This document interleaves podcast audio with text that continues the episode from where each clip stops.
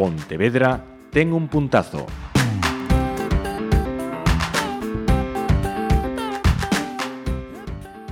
Saudos, novo programa dese Pontevedra ten un puntazo hoxe con catro invitados.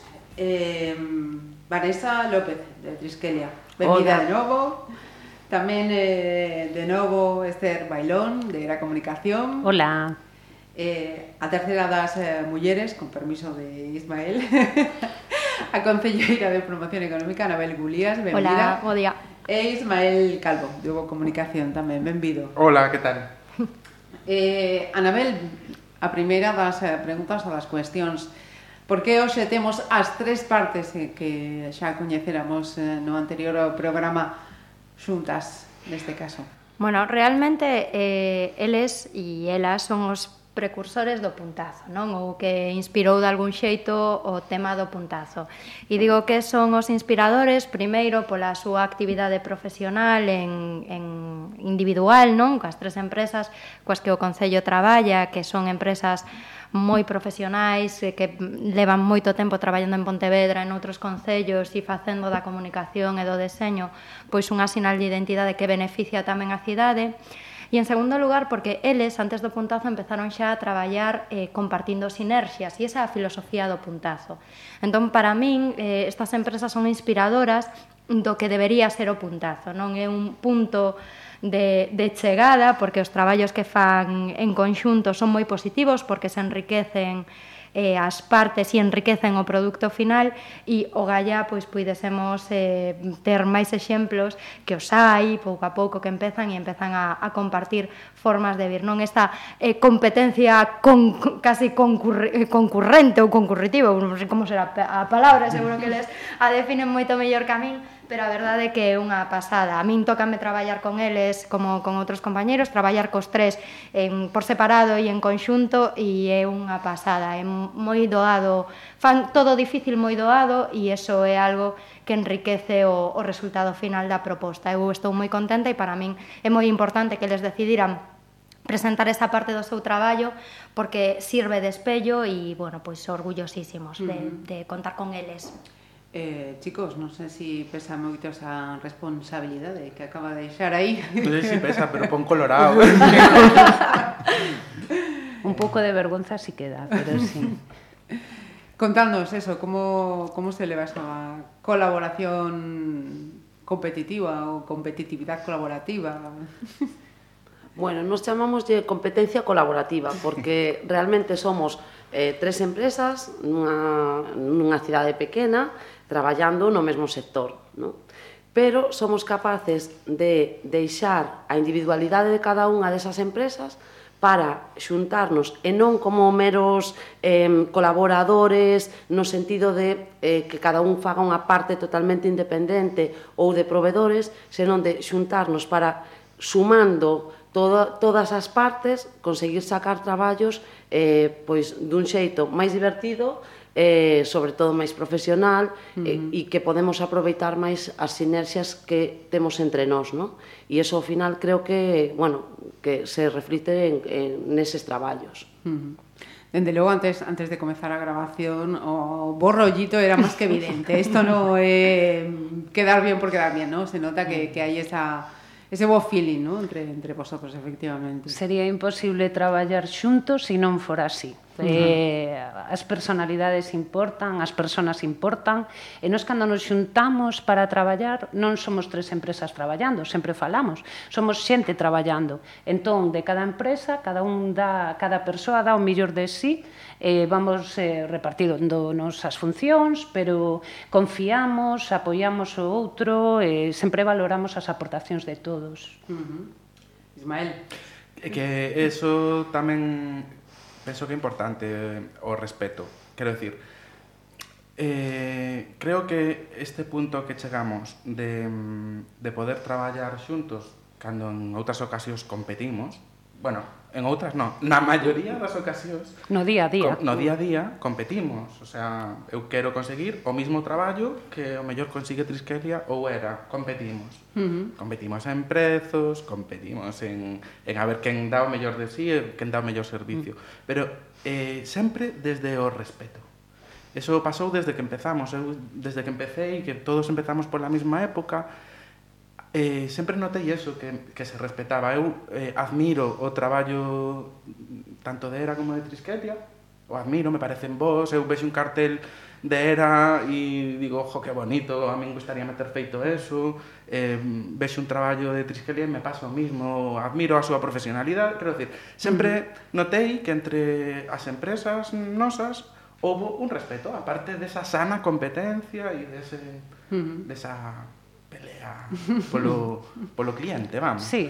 Entonces, a través dese de respeto e de que sempre nos tratamos con respeto, empezaron a xurdir cousas como, bueno, e xente que eu admiro no seu traballo que fai, que respeto e que vexo que me respetan, pois este traballo que a min se me, o mellor se me fai demasiado grande ou que pois por que non colaborar se si admiro o seu traballo, se si vexo que é unha xente de, de fiar, por que non? Uh -huh. E fomos facendo pequenas probas, así empezamos como yo te contrato, o sea, eu so, eres o meu proveedor, pero ah, en esto mando eu.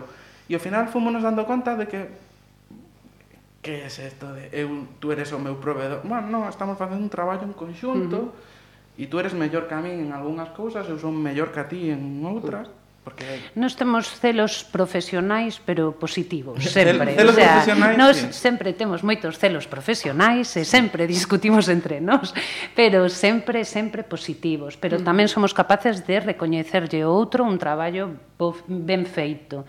Eh, para nós iso é o fundamental. O sea, a confianza de decir tamén eu esta parte do proxecto queda nas túas mans uh -huh. e non estar nin controlando, nin mirando, o sea, que sería unha perda de enerxía por todas partes, uh -huh non somos capaces de distribuirnos eses traballos, ser conscientes, pero como persoas, non como empresas. Moitas uh -huh. veces os equipos se conforman de, de por facetas e se conforman con mm, a xente de diferentes empresas, pero temos chegado a uns puntos de confianza que ata no económico non hai unha, un control de eh, pasan, de fa, pasar todas as contas, fiscalizar horas, todo. Eh, a A ver, que tamén discutimos, eh? Que non discutimos sí, sí, para o pé, sí. tal. Pero, bueno, cando discutimos como en, en cada empresa somos moitos, votación e listo. Claro. Uh -huh. Tú pensa que o, o tema creativo é un tema moi personal. Entón, é imposible non discutir porque cada un de nós, non só nosos tres, sino a, o, o resto dos compañeiros que forman os nosos equipos, que somos seis como mínimo, cada un faría cada unha das cousas dunha maneira diferente. E aí mm. non hai tal. Que pasa? Que chega un momento que tes que ser capaz de recoñecer que o que está a idea que está propoñendo outra persona ou a gráfica que fixo outro é mellor que o que ti estás ou, mm. ou a idea que ti tiñas. É que é unha cuestión de criterio, non de ego. Claro. Claro, efectivamente. Sí. Eh, Anabel, por exemplo, o, un dos eh, vosos proxectos, proxectos, Etiqueta Negra, no? Eh, penso que o resultado que acabou precisamente eh, un dos secretos sería o que están a comentar eles. Foi, o proceso de etiqueta negra para min foi un, un exemplo de traballo ben feito dende o minuto cero até o desenvolvemento da primeira edición. Primeiro porque eles eh, xuntáronse conmigo para ver eh, que ideas tiña eu, como podíamos facer unha feira diferente. Eu dinlle unha idea moi diferente baseada no sector, obviamente, pero aqueles me trouxeron. Entonces eles quedaronse coa idea e entre os tres traballaron un proxecto único. Eu en ningún momento percibín que era máis de ovo ou que era máis de Triskelia ou que estaba a man de de Era e, e por aí. Eu vin un proxecto consolidado, un dos millores proxectos que a mí me presentaron no poquiño tempo que levo de concelleira, pero pechado, con todas as cuestións dende forma até as cantidades, eh, todo perfectamente diseñado. Eso dache moitísima seguridade, non? De, de traballar ou de eh, enfocar un proxecto novo. Dixenlle que sí, eh, e Ese foi o, o, o problema que eu percibín, decidirme, eh, que eu percibín, decidir facer un investimento nesa feira, porque a partir de aí todo foi ben, eles encargáronse da relación con todos os con todos os expositores. Todos os expositores felicitábanme polo bo traballo das empresas, polo tanto é algo que va recollendo, non sempre acontece así, moito menos uh -huh. nunha primeira edición e facimos, e fixemos unha reunión de avaliación e os tres coincidíamos en que ten que haber unha segunda edición non só polo valor da feira, que tivo moito valor eh, en si sí propia ou en si sí mesma, sino tamén pola forma de, de traballar. Xa me advertiran algúns compañeiros cos que traballaron tamén, que solía facer un traballo, que os traballos eran firmados do mesmo xeito que etiqueta negra, e a verdade é que eu teño que dicir que para min a experiencia foi un éxito, porque sí que hai veces que traballas con moitas empresas e isto se convirte en dobles reunións, non? Porque che ven unha empresa e logo venche a outra coa que te reúnes porque non queda claro e demais. E eu con eles me reunín cos tres a vez, coas, coas persoas, coas tres empresas a vez, e non tivemos ningún problema de coordinación, que teño que dicir que honestamente era o que máis me preocupaba, e, uh -huh. e foi todo maravilloso, así que uh -huh. etiqueta Negra saliu ben, ou é a miña valoración, agardo que compartida por eles, e o traballo fixeron no perfecto. Uh -huh. Chicos, outra eh, parte.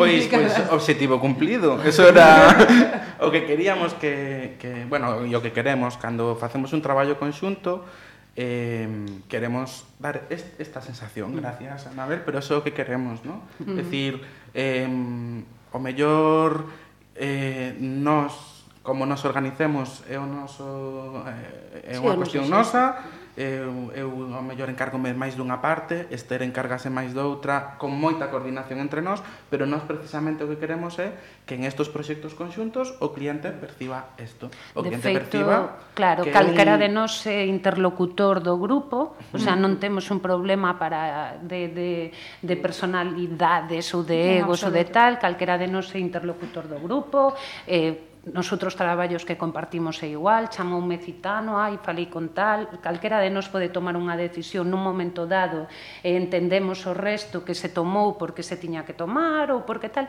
sin, sí. sin presión, sin, uh -huh. sin ese, e logo hai outra cousa que sí que me gustaría falar que é da nosa relación co Concello de Pontevedra, non?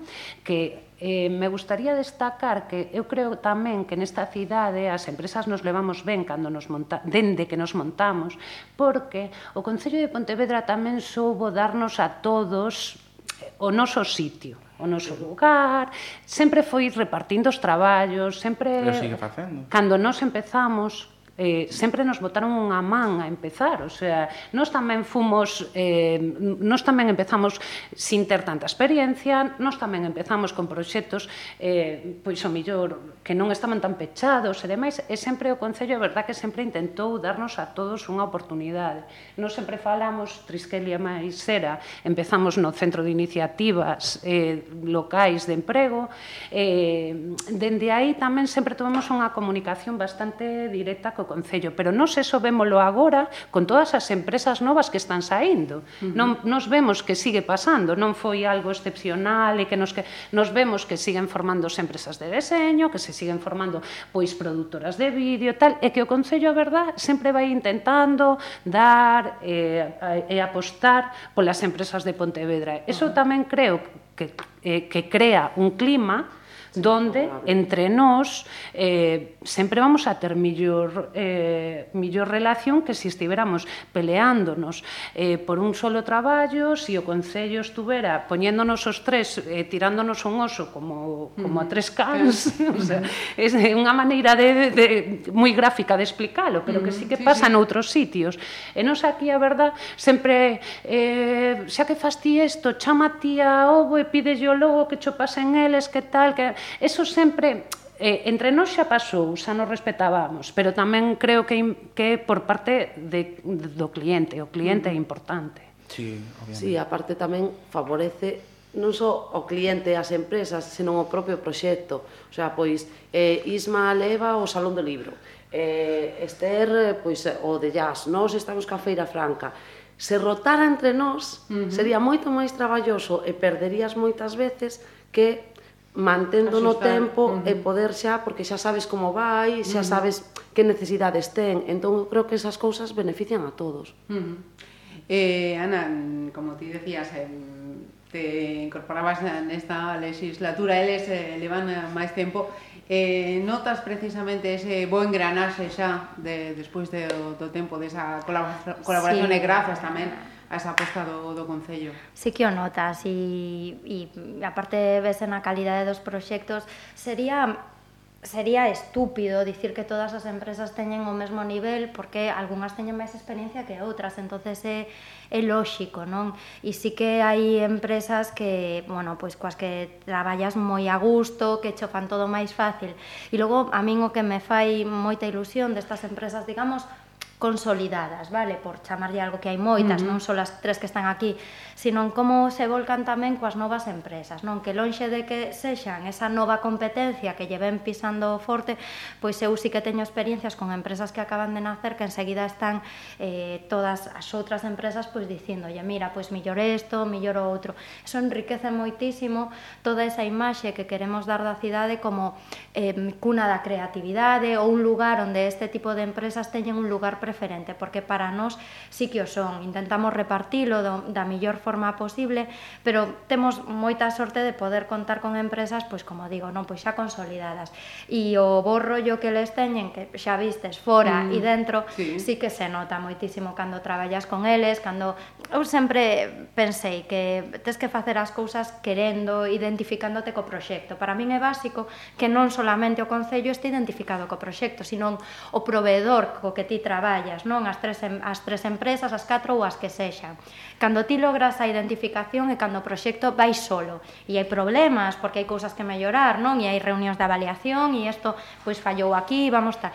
Pero sempre ese ese empuxe, esa esa conexión que logras a través da identificación é básico e ter empresas asentadas con experiencia tamén é básico para que as demais vayan collendo pé. Por eso eu dicía, e de verdad que non o digo, por facerlles a eles a, a a Rosca, porque aparte eu digo públicamente, non a eles, creo que nunca yo dixen, pero realmente para min sí que eran inspiración desa sinerxia entre empresas, desa consolidación e dese bo facer, non? Uh -huh. Estou moi orgullosa porque hai moitas empresas que están nese punto e virán moitísimas máis, co que Pontevedra efectivamente, aparte de ser ese eh, ese eslogan non do, do Campus Crea, que moi acertadamente les escolleron, pois sí que será a cuna da creatividade e demostraremos que este tipo de industria, aparte de enriquecer económicamente tamén o fai a nivel cultural e a nivel social. Por lo tanto, uh -huh. eu encantadísima e o ogallá queden moitos máis proxectos conxuntos. Ou eu agardo que me presenten moitos máis, polo menos.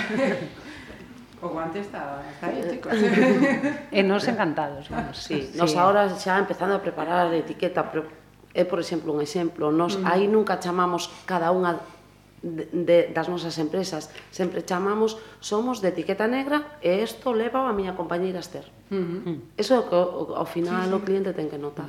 E eso notábase na feira, eso notaron no, os invitados, eso notaron no, todos, e por eso eh, cando falan de etiqueta negra, falan do equipo de etiqueta negra. E isto está guai, porque bueno. Temos, somos equipo para máis traballos, pero, bueno, en Pontevedra, etiqueta negra... Pero eso tamén nos pasa con outros proxectos. Hai proxectos eh, que temos a nivel galego que non teñen nada que ver co Concello de Pontevedra. Bueno, nada que ver, bueno, gracias sí, normalización bueno, sí, do Concello. pero non, non é un proxecto do que Concello de Pontevedra, non, non uh -huh. depende. Sí, sí.